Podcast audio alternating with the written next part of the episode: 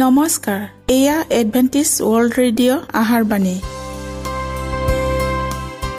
ঊনৈছ মিটাৰ বেণ্ডত পোন্ধৰ হাজাৰ পাঁচশ পঞ্চাছ কিলো হাজত। এডভেণ্টিছ ৱৰ্ল্ড ৰেডিঅ' যোগে অসমীয়া ভাষাত প্ৰচাৰিত আহাৰবাণী প্ৰত্যেক বুধবাৰ আৰু দেওবাৰ সন্ধিয়া সাত বজাত আহাৰবাণী শুনাৰ পিছত আপোনালোকৰ কিবা মন্তব্য আৰু প্ৰশ্ন থাকিলে আমালৈ এই ঠিকনাত লিখক। আমাৰ ঠিকনাটি হৈছে Adventist world radio' seven day Adventist মণ্ডলী অসম শাখা লতাকাটা বশিষ্ঠ গুৱাহাটী সাত আঠ এক শূন্য দুই ন।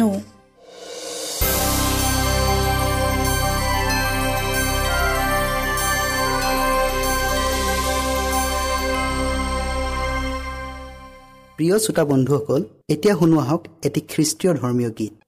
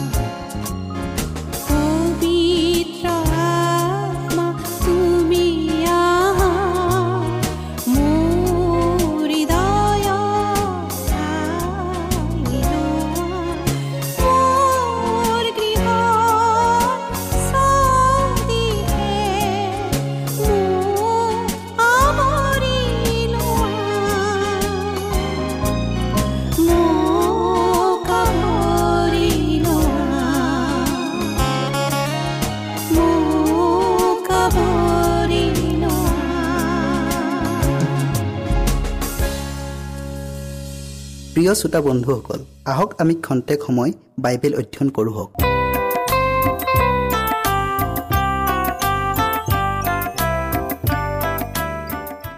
প্ৰিয় শ্ৰোতাসকল আজি আমি যোৱা অনুষ্ঠানৰ বাকী অংশ অধাৰ্মিকতাৰ উৎস এইটোৰ বিষয়লৈ আকৌ অধ্যয়ন কৰোঁ হওক। অধ্যয়ন কৰাৰ আগতে আমি প্ৰাৰ্থনা কৰোঁ হওক। সেই স্বৰ্গত থকা অসীম দয়াময় ঈশ্বৰ হোৱা ধন্যবাদ প্ৰভু তোমাৰ পবিত্ৰ নাম। তুমি তোমাৰ প্ৰচুৰ পবিত্ৰ আত্মাৰে আমাক চলাই নিয়া আৰু আশীৰ্বাদ কৰা। এই বিশেষ বিষয় জানিবলৈ আমাক সুবুদ্ধি আৰু জ্ঞান দিয়া। যীশুৰ নামত খুজিলোঁ আমেন। তাৰ নিজৰ কাৰণেই স্বৰ্গত যি মতানৈক্য আৰু বিবাদ উৎপত্তি হৈছিল তাৰ দোষটোক সি ঈশ্বৰৰ বিধান আৰু শাসন প্ৰণালীৰ ওপৰতহে ওলোটাই জাপি দিছিল। সকলো অধাৰ্মিকতা আৰু অসততাবোৰক ঐশ্বৰিক প্ৰশাসনৰ ফলতহে উৎপত্তি হোৱা বুলি সি ঘোষণা কৰিছিল। সি দাবী কৰিছিল যে ঈশ্বৰ যি হোৱাৰ স্থিতিটোক মজবুত কৰাটোহে তাৰ একমাত্ৰ লক্ষ্য আছিল। গতিকে তাৰ দাবীৰ ৰূপটোক সি প্ৰদৰ্শন কৰাটো অনিবাৰ্য হৈ পৰিছিল আৰু ঐশ্বৰিক বিধানক সলনি কৰা তাৰ কাৰ্যক দেখুওৱাটো প্ৰয়োজন হৈ পৰিছিল। তাৰ নিজৰ কাৰ্যই নিশ্চয় তাক দোষী সাব্যস্ত কৰিছিল। ছয়তানে আদিৰে পৰা দাবী কৰি আহিছে যে সি কেতিয়াও বিদ্ৰোহ কৰা নাছিল। সমগ্ৰ বিশ্বাসীয়ে এই প্ৰতাৰকজনক মুখাবিহীন চৰিত্ৰটোক দেখিবই লাগিব। শ্ৰোতাসকল এনেকি লুচিফাৰ আৰু স্বৰ্গত থাকিব নোৱাৰে বুলি যেতিয়া সিদ্ধান্ত গ্ৰহণ কৰা হৈ গৈছিল? অনন্ত জ্ঞানৰ গৰাকীজনাই ছয়তানক বিনষ্ট কৰি পেলোৱা নাছিল। যিহেতু কেৱল প্ৰেম ভৰা সেৱাইহে ঈশ্বৰ গ্ৰহণীয়। গতিকে তেওঁৰ সৃষ্টি প্ৰাণীবিলাকৰ আনুগত্যতা তেওঁ যে ন্যায়বান আৰু পৰম দয়াবান তাৰ ওপৰত প্ৰতিষ্ঠিত হ'বই লাগিব। স্বৰ্গ আৰু আন জগতৰ বাসিন্দাসকল যিহেতু তেতিয়ালৈকে পাপৰ ভয়াৱহ কুপৰিণতি নাইবা ৰূপটোক বুজিবলৈ আৰু অনুধাৱন কৰিবলৈ প্ৰস্তুত নাছিল। গতিকে ছয়তানক স্বৰ্গৰ পৰা খেদি দিয়া সময়ত তেওঁবিলাকে ঈশ্বৰৰ ন্যায়পৰায়ণতা আৰু কৃপাক দেখা পোৱা নাছিল। যদি সেই সময়তে তাক সম্পূৰ্ণভাৱে বিনষ্ট কৰি তাৰ অস্তিত্বটোকে নাইকিয়া কৰি পেলোৱাহেঁতেন তেন্তে তেওঁবিলাকে প্ৰেম আৰু ভক্তিৰ পৰিৱৰ্তে ভয়ৰ কাৰণেহে ঈশ্বৰক সেৱা পূজা কৰিলেহেঁতেন। তেতিয়া প্ৰতাৰক জনাই যি প্ৰভাৱ সি সম্পূৰ্ণকৈ ধ্বংস নহ'লেহেঁতেন নাইবা বিদ্ৰোহ কৰাৰ যি মানসিকতা সিও একেবাৰে নিৰ্মূল নহ'লহেঁতেন। অসততা আৰু দুষ্টতাক ইয়াৰ পূৰ্ণ বয়স অৰ্থাৎ প্ৰাপ্ত বয়স হোৱালৈকে বাঢ়িবলৈ অনুমতি দিয়াটো সমীচীন আছিল।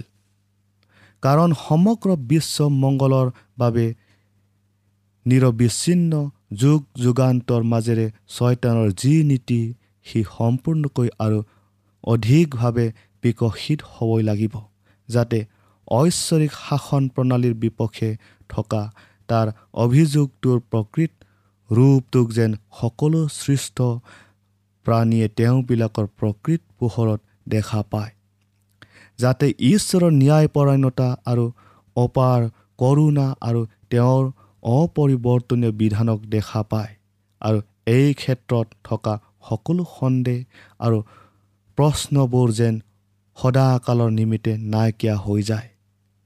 শ্ৰোতাসকল অনাগত যুগবোৰৰ বিশ্বখনৰ নিমিত্তে ছয়তানৰ এই বিদ্ৰোহ এটা শিক্ষা হ'বলগীয়া আছিল। প্ৰকৃতিৰ এটা চিৰন্তৰ সাক্ষ্য আৰু পাপৰ ভয়ংকৰ ফল হ'বলগীয়া আছিল।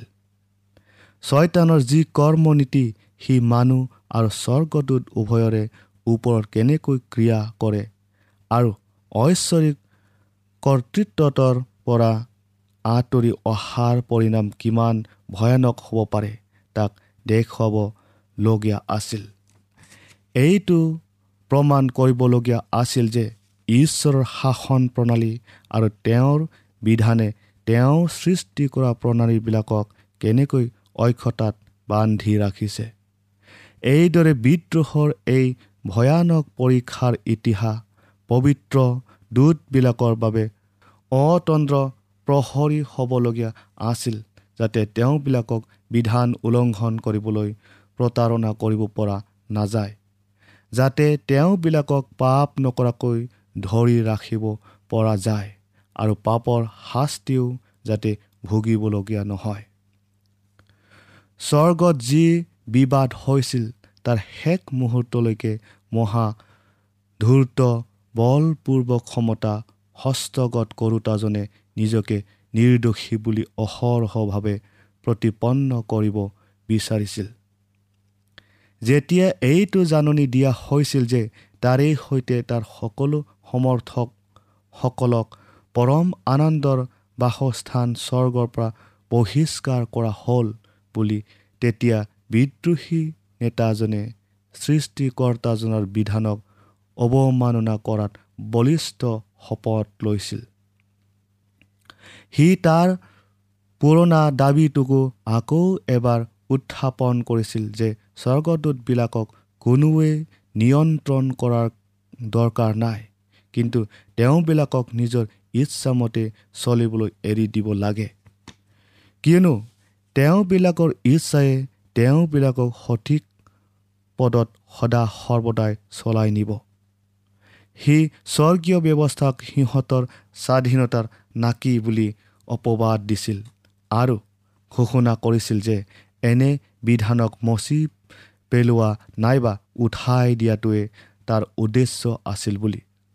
যাতে তাৰ বাধ্য বাধকতাৰ পৰা মুক্ত হৈ স্বৰ্গৰ দূতবিলাক অধিক প্ৰশংসনীয় অধিক গৌৰৱময় অৱস্থাত উপস্থিত হ'ব পাৰে। সকলোৱে একমতত উপনীত হৈ ছয়তান আৰু তাৰ আটাই দূতবিলাকে সিহঁতৰ বিদ্ৰোহ কৰাৰ দায়িত্বক সম্পূৰ্ণৰূপে কৃষ্টৰ ওপৰত জাপি দিছিল আৰু ঘোষণা কৰিছিল যে কৃষ্টই যদি সিহঁতক নিন্দা নকৰিলেহেঁতেন তেন্তে সিহঁতে কেতিয়াও বিদ্ৰোহ নকৰিলেহেঁতেন।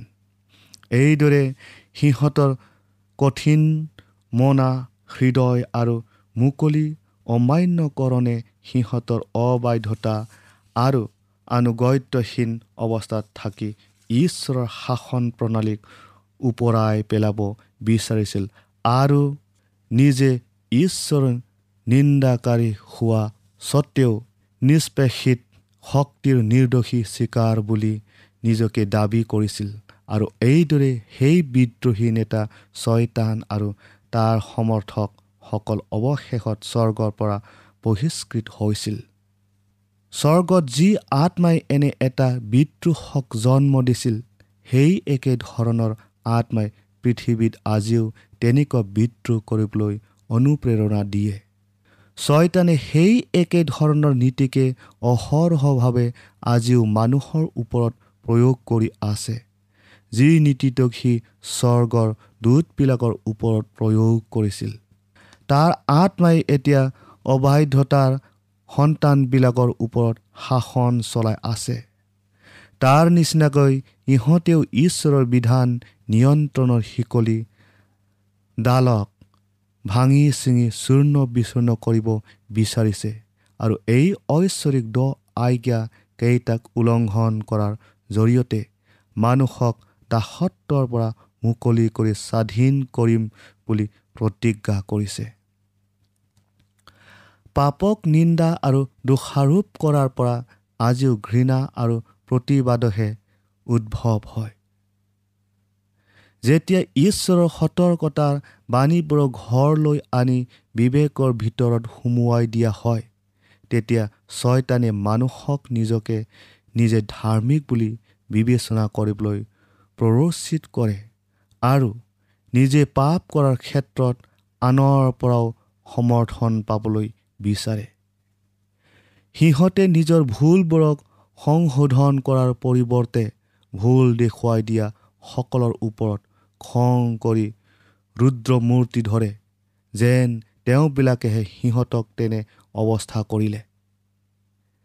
হেবলৰ ধাৰ্মিকতাৰ সেইবোৰ দিনৰে পৰা বৰ্তমানৰ আমাৰ দিনলৈকে তেনেধৰণৰ আত্মাই সেইবিলাক ব্যক্তিৰ প্ৰতি সেই একে ধৰণৰ ব্যৱহাৰকে কৰি আহিছে যি ব্যক্তিবিলাকে পাপক দোষী সাব্যস্ত কৰিবলৈ ভয় কৰা হয়।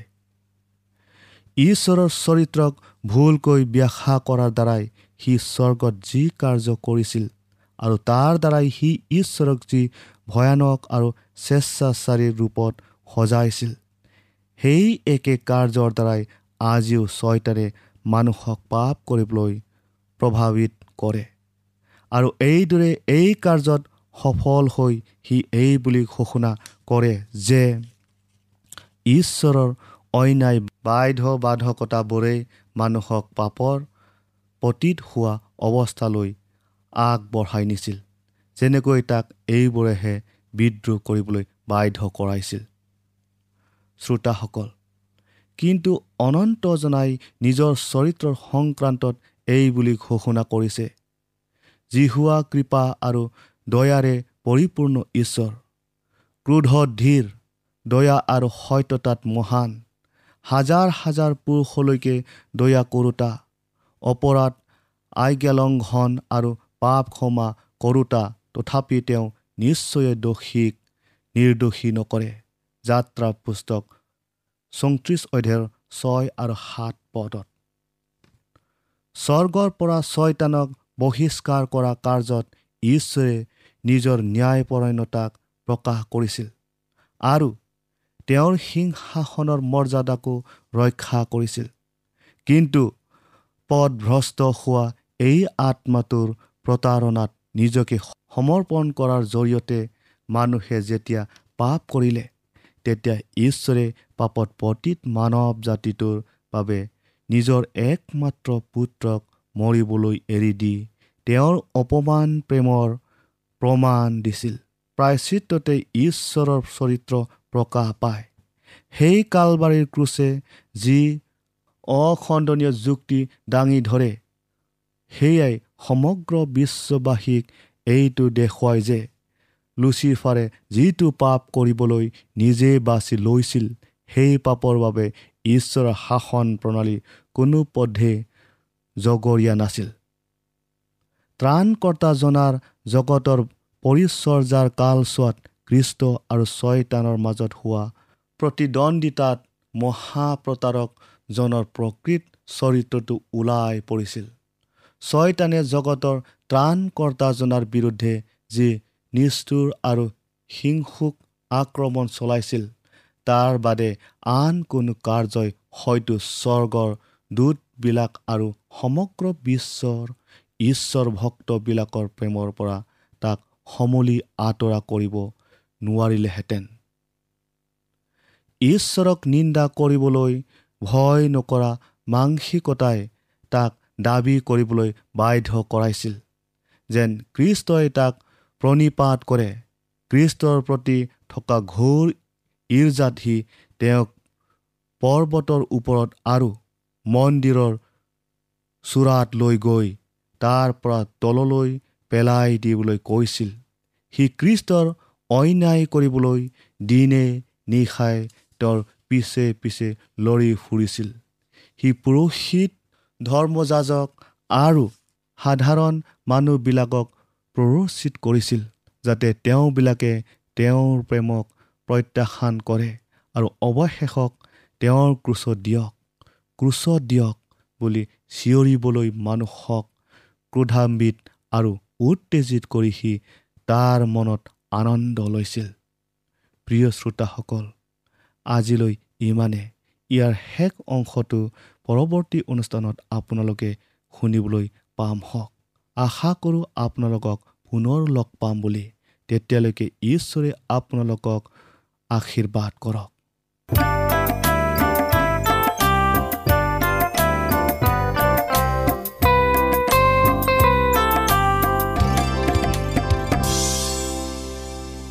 ইমানপুৰে আমি বাইবেল অধ্যয়ন কৰিলোঁ। এতিয়া আকৌ শুনো আহক এটি খ্ৰীষ্টীয় ধৰ্মীয় গীত।